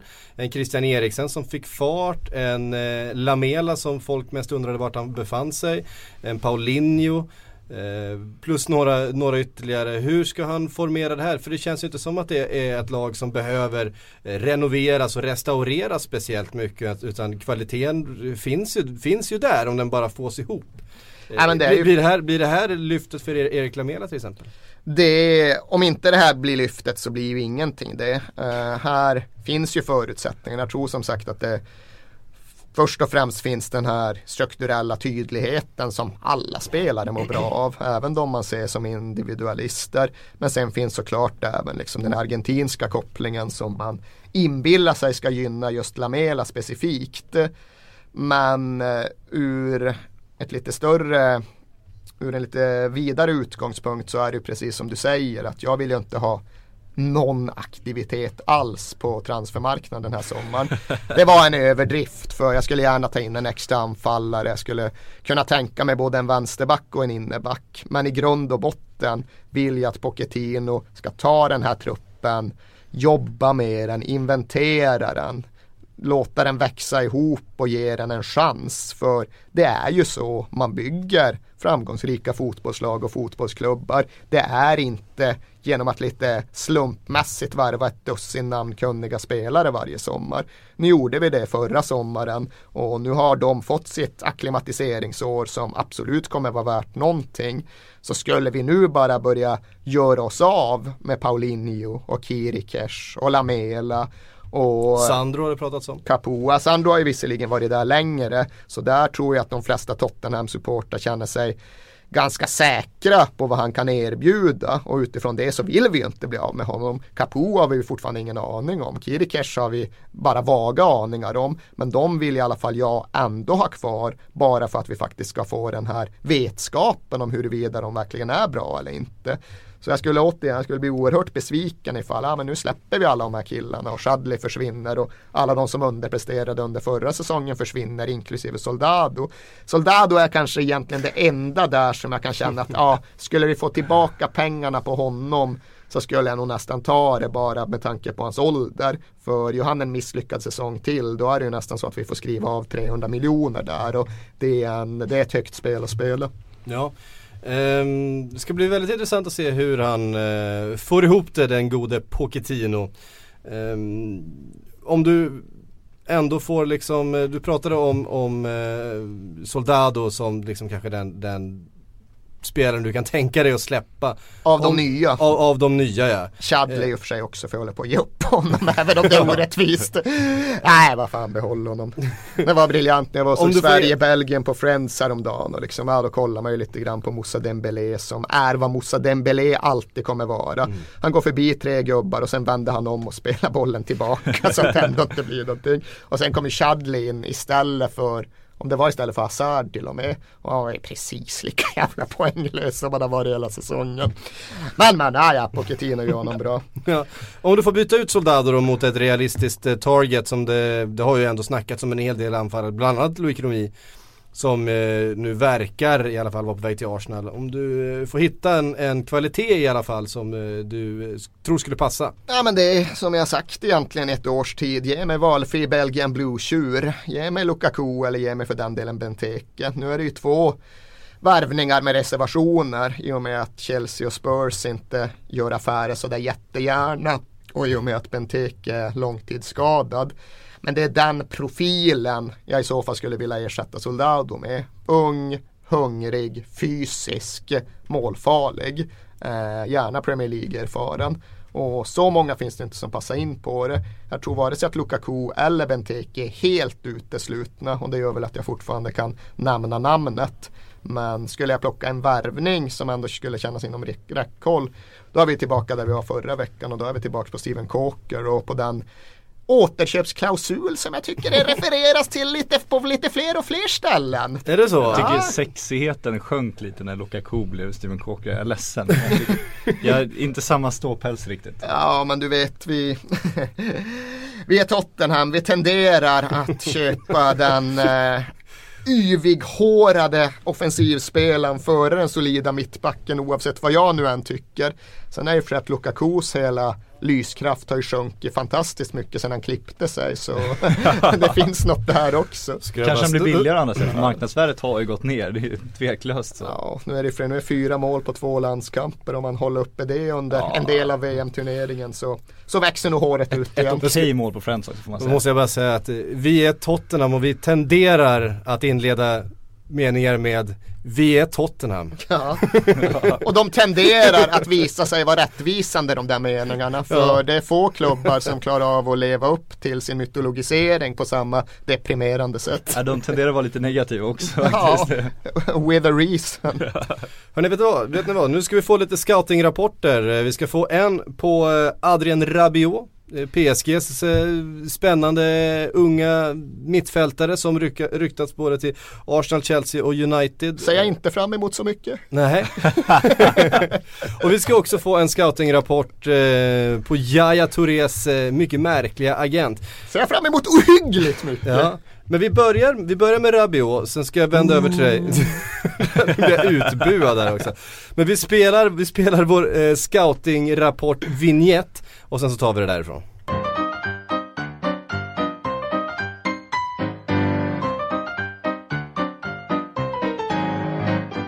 Och då är det till att börja med i alla fall Adrien Rabiot som jag faktiskt kommer prata några minuter om så ska vi försöka se vad vi kan reda ut av den här unge grabben. Han har ju bra hår i alla fall om vi ska väcka Han har, väldigt, han, har, han har väldigt bra år, han påminner ju en del om David Luiz Ja. eh, Som ju är klar för det PSG som eh, Rabiot nu kanske förväntas lämna 19-åringen har eh, kopplats ihop med Arsenal, Chelsea och United Ehm, och det är väl egentligen eh, hugget som stucket vilket som, vilka som är mest intresserade. Eh, det har funnits eh, länkar till alla tre. 19 år gammal, många av er som lyssnar har säkert sett honom under säsongen i PSG. Han har gjort eh, 25 framträdanden varav ungefär hälften har varit eh, starter och hälften har varit inhopp. En eh, central mittfältare med väldigt fin, eh, fin fot som man brukar säga. En, en eh, passningsskicklig och bolltrygg. Och trots sina 188 centimeter så är, är väl den stora frågan då vid en eh, värvning till England om han håller rent fysiskt. Men han är ju ung, bara 19 år gammal men kan väl vara lite lätt eh, ibland. Då, har faktiskt jämförts återigen då med eh, Frank Lampard när det har varit Chelsea-rykten. Men jag skulle nog snarare vilja jämföra dem lite grann med en eh, Luka Modric typ. En, eh, den här bolltrygga, väldigt fina passningsspelaren. Eh, som gärna sjunker lite djupare, hämtar boll, eh, slår en gubbe och, och skickar vidare. Eh, en intressant spelartyp. Och det som också är intressant är att han eh, i vintras fick frågan om han kunde tänka sig att lämna det här PSG som han har tillhört i stort sett hela sin karriär. För att faktiskt redan vid tio års ålder var han över och gjorde ett halvår i Manchester Citys eh, ungdomsled. En Ricky Lambert-saga under uppsegling. Nu är han tillbaks till, till Manchester City. Nej, det är Fansen faktiskt inte. efter honom. ja, ja. Hans Eh, föräldrar kommer gråta när han skriver på kontrakt.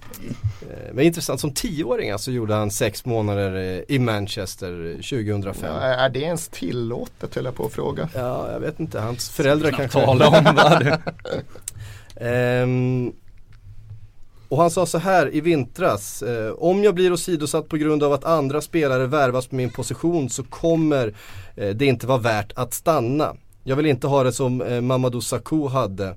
Efter ett tag när han insåg att han inte skulle få spela så mycket i framtiden heller så tog han beslutet att lämna och det var bra för honom. Om en mittfältare värvas så kommer det förändra allt. Jag kommer då att tänka över min framtid. Eh, och nu är det ju ett antal centrala mittfältare som har länkats till eh, PSG, inte minst en eh, Paul Pogba.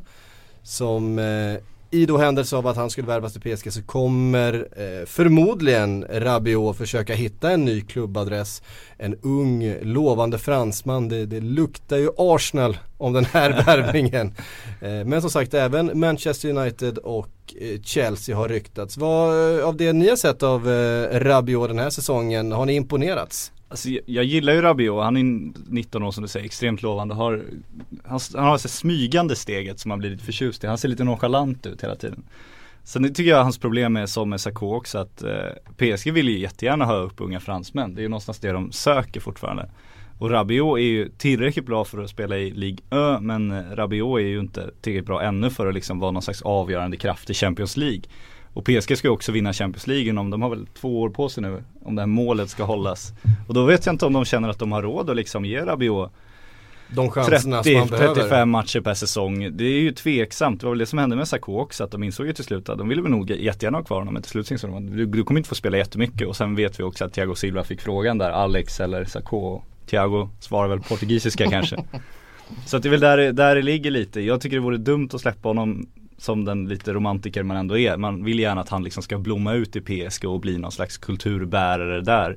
Med sitt yviga hår. Men Mm. eh, om man har tålamod och om PSG har tålamod, det känns ju jäkligt tveksamt. En eh, gänglig, eh, bolltrygg mittfältare, är det någonting som Premier League behöver? Ja, den beskrivningen kan du väl alltid använda dig av som DVD-cirkulerande agent och väcka någon form av intresse. Men jag delar ju föregående känsla att visst, han är bra och han är tidig. Han är mogen för sin ålder och för sin position. Men han är inte så bra och han är inte så mogen att eh, han behöver ju fler utbildningsår. Han är liksom inte klar för att gå in och bära Manchester Uniteds mittfält. Och utbildningsår kan man ju visserligen få i Arsenal på ett eh, på ett nästan unikt sätt. Eh, men eh, jag känner väl snarare att han ska ha två säsonger i Montpellier eller eh, det var kanske väl Saint igen. De ska ut och, ut och lira europeiskt och har behov, alltså, men den typen av klubbar. Jag känner väl lite grann att ja, så fort det överhuvudtaget existerar ett namn som ska lämna en Champions League-klubb så kopplas det oundvikligen ihop med Arsenal, Manchester United och alla de klubbarna. Men det här tycker jag liksom inte är en riktigt rimlig länkning. Den borde, ligga, den borde gå i andra riktningar. Men då är Chelsea perfekt, för går man till Chelsea får man ju spela Ja, i får man spela i Vitesse, det är Exakt, kanon. är så här mittenlag så att det, gå dit. Ja, intressant. Hur bra det- blev Vitesse egentligen? De ska ut i Europa men kan de hela ska de ut och kvala till Champions League eller ska de spela med Europa League? Och... Så jag har ju släppt holländska ligan Jag har fullständigt släppt nu. holländska Ja, ligan det är att tragiskt. haft ett järngrepp Ja men för några den. år sedan hade man ändå stenkoll på svenskarna där, nu är det ju knappt några svenskar där. Den har ju bleknat. Viktor Elm, hur går det i Heerenveen? Tystnad, det är så jag beskriver. Det är så jag Vi beskriver. vet inte. Nej, jag tror det går, jag tror Det, det går, helt okej. Jag tror det går 4 plus för Viktor Elm. Som det gör för alla svenska hållanden, vilket tyvärr inte betyder så mycket Nej, längre. man trodde, jag trodde mer om Viktor Elm, det måste jag erkänna. Det är Mm. inte ett underbetyg åt hans prestation i Heren för ändå bara att jag trodde han skulle prestera någon annanstans. Det, det var du nog inte ensam om. Eh, vi lämnar Rabiot där och sen så smyger vi upp vår bonus-scoutning då. Nu, nu saboterar eh, Erik Niva de här mikrofonernas ljudupptagning genom att trumma bordet.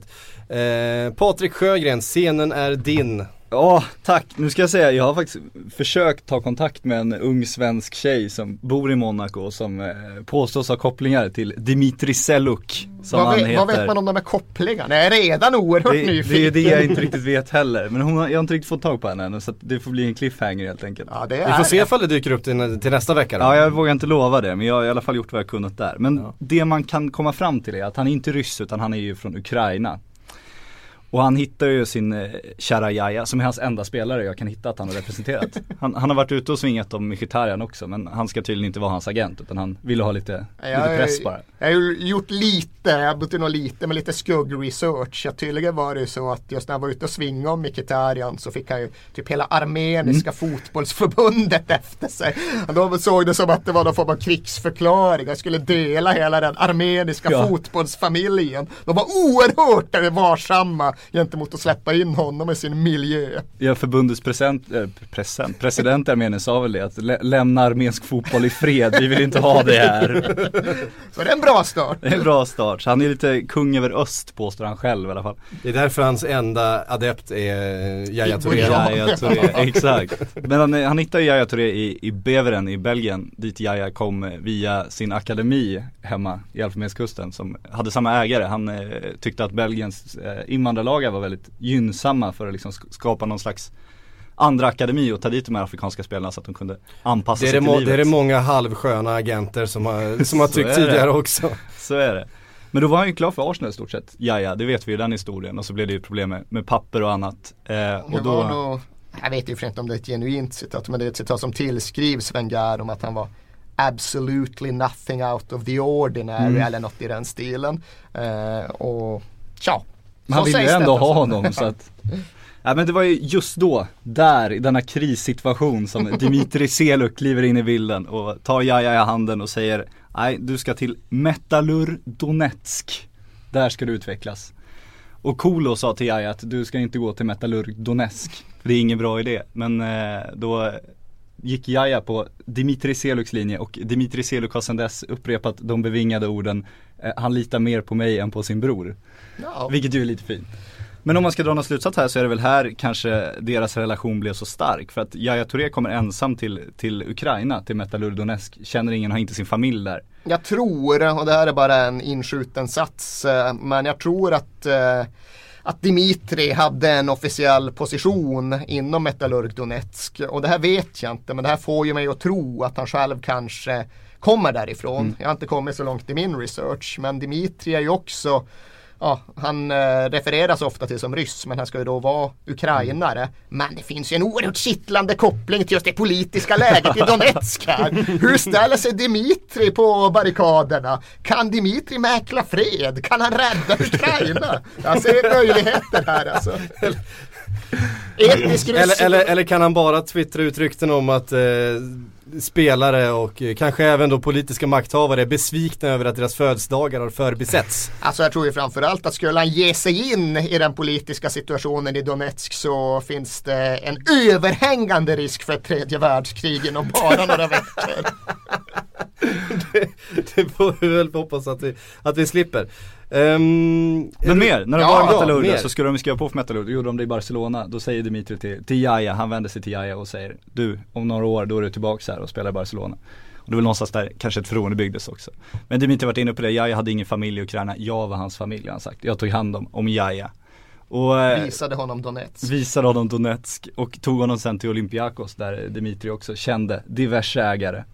Det finns, eh, jag noterade att det var en eh, frans, nej det vet fan om det ens var en frans. Det var en sida som hade gjort lite research på Dimitri som tydligen inte har någon agentlicens. Nej, han i är- han är rådgivare. ja exakt. Och då finns det ett officiellt fax från Olympiakos president som de här då kunde publicera, skrivet på engelska så gick till och med att förstå. Ja, alltså vi har ju nu fått informationen från Fifa om att du har ingen officiell status som agent överhuvudtaget så vi kan tyvärr inte göra affärer med dig. Underskrivet eh, Olympiakos ordförande. Så det var också en del av den affären. Ja, men han var väl kompis med, det, och det var en norsk tränare om jag inte är helt fel ute. Ja, Trond Sollid. Ja, det var han precis. som kände Dimitri tror jag. ja, det fanns något där. Bra kopplingar Sen ska ju då Dimitri ha någon eh, polare från ex-Jugoslavien som formellt sett får vara Jajas agent Ja, när, det väl ja. behövs, när det behövs en med licens. Då slänger de in den här, den här kroaten tror jag han var, Franjo någonting kan han ha hetat. Men eh, han har ju skickat eh, Jaja då, till och med Metallurg, sen till Olympiakos, sen till Monaco, sen till Barcelona och ändå säger han att eh, jag bryr mig mer om mina spelare än mina pengar. Vilket är intressant för om man tittar den här lilla, lilla klubbräckan så tror jag inte att han tänkte att Metallurg det är nog utvecklingsstället som är, som är så klippt och skuret för, för Yahya Touré. Ja men Metallurg, det var ju, platt, det var ju hans hem. Det var ju Ja, där han skulle visa honom livet. Lära honom att bli en vuxen människa. Och plantskola Monaco sen. Nej, han, han gjorde nog lite cash på de där övergångarna. Men eh, om man ska liksom, man kan skämta mycket om Seluk men han är ju så tajt med Jaja att Jaja alltså döpt sin andra son till Dimitri så att det, det, de kommer inte liksom klippa bandet nu. Alltså grejen är att jag noterade ju den där uppgiften och jag såg att till och med BBC hade Ja. skrivit den som ett faktum. Vilket ju normalt sett brukar vara ja, en eh, garant för att det faktiskt stämmer. Men sen började jag kolla lite, okej vad, vad har Jaja för barn egentligen? Och jag hittade, alltså, jag hittade inte ens uppgifter på att han har, att han har barn. Jag har också googlat men jag tänker också BBC, hallå. Vi har jag hittar sprungit på samma dokument här tror Jag jag. hittar sannerligen inga bilder på Jaja med sin lilla son Dimitri. Nej, nej. De har jag, de har Men jag man, man måste ju tro på det för man älskar ju namnet Dimitri Touré. Dimitri. Man älskar ju den killen. Ja, liksom. ja, ja, Fatta ja. och Undrar- lära undrar- känna honom när han växer upp. Sigge Söder-klass på honom. Ja, det är långt mycket högre än så. Alltså. Ja men man undrar hur många med senegalesiskt pass som heter Dimitri i förnamn. Ja, men det är ju legendariskt. Men eh, sen har han gjort sig ovän med. Han Ja, gjorde sig ovän med. Pep också ska vi säga. Det var ju, påstås att det var lite därför Jaja försvann från från Barcelona, Pep ska ha gått till Jaja och sagt så här, "Vad- vi snackar ju alltid bra men, men vad fan säger din agent i media istället? Eller egentligen. Så att, han, han har tagit sina fighter förut. Men om vi ska återkomma till det politiska läget som ju är lite intressant ändå. Vi har ju ändå en ukrainare här som bor i Monaco. Som, vi har bara hittat att han representerar en enda spelare. Den spelaren har kanske gjort sin sista övergång. Då börjar ju pengafloden till Dimitri Seluk som bevisligen gillar the good life. Den börjar ju ta slut och situationen i Ukraina är ju inte så stabil. Där Alltså- kanske inte finns så mycket pengar just nu att göra. Sen är det väl i och för sig så att han har med all säkerhet alla sina tillgångar i Monaco ifall det nu är där han hänger. Men borta i Ukraina Säg nu att han har några tillgångar där så de kan säkert absolut frysa inne. Exakt och liksom hans, eh, den, den bild som cirkulerar på honom, då sitter han ju framför en så här Chopard eh, stor background liksom och det är ett svindyrt klockmärke. Ja, okej. Så att han, han gillar ju liksom f- flärden så att säga. Så ska man spekulera då att det kanske är lite knapert i Ukraina just nu. Han har nog extremt stora utgifter om jag ba, bara går efter Han är hans sugen, han är bilder. sugen på ett, ett stort kontrakt till för Jaja. Exakt, han måste ju pumpa det det, känns ju sista nu, han har ju två val. Han har liksom, det finns två scenarier här som eh, det ena, det ena eller andra måste bli verklighet. Antingen övergång för Jaja eller så måste han ju åka hem till Donetsk och styra upp liksom. Exakt. Och det är där man börjar bli orolig. Det är där man ser att hans relation till Putin kan bli ett problem för oss alla. Så därför vi nästan hoppas att Jaja flyttar. Ja, vi får fan lov att göra Ja, det efter den här redogörelsen. Alltså. Eh, där hade vi våran scoutingrapport på Dimitri och på Rabiot.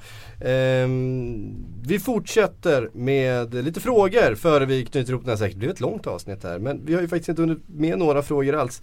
Eh, och det har vi utlovat på Twitter. Här noterar jag bara en flash från Sportbladet på min mobil. Sebastian Larsson stannar i Sunderland. Klubben bekräftar nytt kontrakt. Jaha, det var det värsta. Ja. Det var det värsta. Det trodde man faktiskt, det trodde jag faktiskt inte. Eh, då kastar vi oss in med en fråga som vi har fått av Viktor Lundqvist, en av våra trogna Sunderland-supportrar som eh, lyssnat på Premier League-podden under åren. Det, det har jag minsann noterat. Så undrar vad som händer med Moberg Karlsson nu. Förlåt, nu läser jag fel, inte Filip, Viktor Lundqvist, han eh, också skrivit, men Filip Tyberg är det som, som brukar ställa frågor om Sunderland. Eh, han undrar helt enkelt om hur bra Sunderlands fönster har varit så här långt. Man har signat Jordi Gomez och Billy Jones och nu också förlängt då med Sebastian Larsson.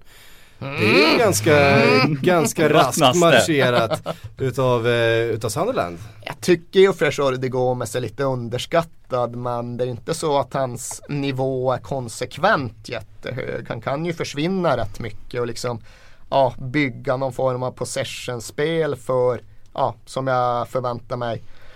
En satsning mot övre halvan av Premier League på Jordi Gomes. Den känns väl, den känns inte självklar. Och Billy Jones, visst det händer väl grejer på ytterbacksbesättningen i Sunderland. Barnsley ska väl bort slash har redan lämnat och Billy Jones han håller väl, alltså han funkar ju som, som truppspelare. Det, det gör han ju. Mm, men ja, det är inte så att entusiasmen inför Poyets eh, stora krafttag har ökat så ofantligt mycket under de här första silly season veckorna. Men vad tycker du om Seb då? För han kändes ju lite som en poängspelare nästan när han kom fram och liksom slog igenom i Birmingham på allvar där. Sen dess tycker jag, alltså Jag tycker hans tid i Sunderland har varit två plus. Mm. ja. och det är framförallt landslagsmässig man. Och hade han, inte, hade han inte ryckt upp sig under de här sista två månaderna på säsongen, den här säsongen så, hade, så är det frågan om ens två plus hade räckt till för, eh, med tanke på den rollen han ska ha i Sunderland och hur lite han presterade fram tills det då började pratas om, om nytt kontrakt eller inte, antar, antar vi. Eller Han gör en. Adebayor, han bara- Ja precis, han spelar bara, han spelar bara på riktigt när, när eh, det kniper. För att Adebayor hade varit ute och haft en lång jävla, ett långt försvarstal eh, för att för att Eh, just gå emot den där teorin om att han bara spelar när det står ett kontrakt på spel. Men det kan vara en parentes. Men jag tyckte väl problemet med Sebastian Larsson det var ju att han kom ju till Sunderland i ett skede då hans karriär verkligen skulle ta fart. Då skulle han ju ta klivet från att vara en okej Premier League-spelare till att bli en eh, kille som stack ut lite grann. Det skulle vara de bästa åren i hans karriär. Och han börjar med att göra ett jävla flygande volleymål på Anfield. Och då känner man att ja, kanske ändå. Men sen har det ju inte alls blivit så. Utan det har ju varit de, det är väl tre år han har varit där nu. Tre säsonger. Som man verkligen trodde. Han var, nu ska vi se, han fyller han fyller 29, så det är åren mellan 26 och 29 som väl ofta ses, i alla fall sågs förut som en innermittfältares bästa eller som en mittfältares bästa. Och ifall det här blev Sebastian Larssons karriärs högsta så känns det ju som att det inte blev vad man hade hoppats på. Och det är inte så att han inte har fått chansen. Han har fått chansen till och med att, testas på olika positioner. Han har fått spela på sin favoritposition ut till höger. Också, eh, Jag tror inte det är hans Nej, jag tror favoritposition. faktiskt egentligen också han, han helst vill spela i, i centralt. Eh, där han också har fått göra en hel del i Sunderland men in, inte riktigt lyckats. Eh, men som sagt de sista eh, kanske tio omgångarna här så, så har den varit en, en väldigt viktig del i att Sunderland faktiskt löste den där gordiska knuten som man hade att lösa för att klara nytt kontrakt och där var han ju central. Ja, men där spelade han väl just sig också in i Poyets framtidsplaner och det är ju väldigt Det var nog helt för- avgörande för det här kontraktet han nu har skrivit. För, Och för, ja exakt, för, ja, till att börja med var det ju rätt centralt att Poirier blev kvar. Det var ju lite spekulation om att det inte skulle bli så. Men nu har ju jag ändå en viss förhoppning och en viss tro på att Sunderland kommer göra en kraftsamling och verkligen göra ett rejält försök att nå en ny nivå. Sen så kan jag väl som sagt inte säga att tron på den kraftsamlingen har ökat i och med Jordi Gomez och Billy Jones och det här förlängda kontraktet. Men jag tänker inte avskriva Connor Wickham. Ja, jo, det, han är ju kvar. Där har du, där har du för övrigt en, en stor eh, centertank. Eh, du var inne på det till Tottenham. Ung, Nej, ung, hungrig, stor, stark, måltjur. Nu, nu lugnar vi ner oss lite där borta. Det skulle, det skulle få mig Nej, djupt för och innerligt deprimerad. Gud vad jag ser fram emot när den presenteras nu om några veckor. Ja vi lyssnade på Erik Niva och vi tyckte att eh, Connor Wickham passade in på Ja. profilen. Exakt. Vi tar en fråga till före vi knyter ihop här. Och den frågan är från Andreas Sandberg. Eh, han skriver så här, i fjol såldes Moberg Karlsson och Ranti från Allsvenskan för kraftiga överpris. Vem blir det i år? Sjögren du som, eh, jag vet inte om du följer Allsvenskan mer Ja, än men- Erik gör men du eh, Ja, har det i alla fall följer på mer din... än den holländska. Ja det gör jag definitivt. Ja, men det, Häcken-talangerna ser ut att stanna nu så det är väl bara att titta på skytteligan, det är väl så vi, vi brukar göra. Och det finns ju några, du har ju El Kabir som är sugen på att flytta, du har Erton som är sugen på att flytta. Det som hänt är att eh, allsvenska statusen är ju närmast obefintlig nu. Hur skulle Erkan Sengen beskriva den tror du? Katastrof. Den är inte dålig, den är katastrof. Fantastisk människa. Gjorde du den intervjun? Jag gjorde den intervjun. Jag har aldrig haft så roligt i mitt liv. Jag älskar, men jag tycker han har viktiga poänger Ja, ändå. Det, sen gör han det på ett väldigt sexigt sätt när han uttrycker dem. Det tycker jag också, det uppskattar jag också. Alltså, har Erkan Sengen någonsin i hela sitt liv tyckt att någonting har varit okej? Nej, Erkan tycker Erkan är okej. Det är Och Jimmy Durmaz ingenting som är 3 Zlatan. plus där. Nej exakt, antingen är det väl eh, minus eller 6 plus. Det är väl Alltså, det, det som finns liksom. Vilket härligt liv ändå. Ja, ja, gröna solglasögon 5 plus. Ja, fem plus. Solglasögon som inte är gröna 1 plus. Fem plus. Svart eller vitt? Nej, men vi satt på Det är, grö- det är grönt eller vitt. Ja, det är grönt eller vitt, förlåt. Ja, men vi satt och diskuterade så här, så var det någon som kastade ur sig, jag tror det var Per Boman, min kära kollega. Men en av fem från Allsvenskan lyckas ändå. Och så, så, så frågade han bara, ja men eh, om vi tar senaste åren då, så här, vem lyckades sist? Vilken allsvensk spelare gick ut i Europa och lyckades? Ja, jag har också varit inne på precis den tankebanan och då landar vi på Erkad och Jimmy Durmaz. Ja. För vad man nu än tycker om den turkiska ligan så tycker jag ju ändå att deras flyttar har givit effekt. De har ju flyttat fram sin karriärsposition och de har utvecklats som fotbollsspelare. Men därutöver är det ju precis som du säger. Även de man tror på och även de som kommer in i det med tiden verkar ju behöva någon form av liksom omställningsperiod där de på något sätt växer in i ett högre tempo. Det gäller ju till och med en så bra spelare och en så klok spelare som Oskar Hiljemark i en så pass numera svag miljö som Holland och PSV. Det tog ju uppemot ett år innan han var inne i det. Och det har blivit väldigt mycket svårare Ja, inte bara att sälja spelare från allsvenskan men för de allsvenska spelarna faktiskt uppnå någonting när de kommer ut. Och just därför tror jag också att vem går till överpriset och snarare vem lyckas ta sig ut? Jag tror någonstans där man får landa. För de vill ju ut, Erton, El Kabir, de är ju extremt tydliga med det, har varit det ganska länge. Så att frågan är om någon överhuvudtaget är sugen. Det börjar bli lite svårt tror jag att komma från allsvenskan. Ja, det är ju inga eh, supertalanger i 19-årsåldern heller utan det Ja, tidigare var det ju alltså det att ja, man fick ta mellansteget i Holland innan man kom till England. Nu börjar man ju snart befara att man står inför en verklighet när man måste ta mellansteget i Danmark Ja, för att kunna komma till Holland. Ja. Och det är ju en ohyggligt deprimerande tanke. Den deprimerande tanken får bli den avslutande Men vi måste från ta eh, oss. Jaha. En grej till, Måste vår kära Aurier. Att vi inte Ja, nämner honom, det, det- måste vi ju Är nästan han göra. kär nu? Alltså, Ja, för mig är han kär, för att han är på Twitter så uppenbart och Han vill till övertydligt Arsenal, vill till? Arsenal, det tycker jag ja, är underbart. Ja.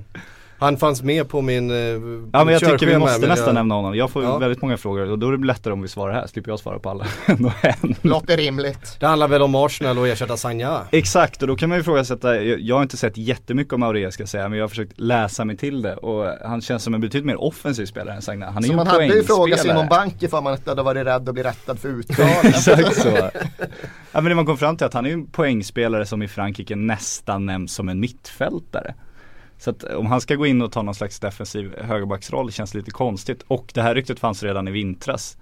Så att antingen så vill Wenger få lite fart på kanten eller så kanske han vill eh, Jag vet inte om han är den raka ersättaren till Sagna.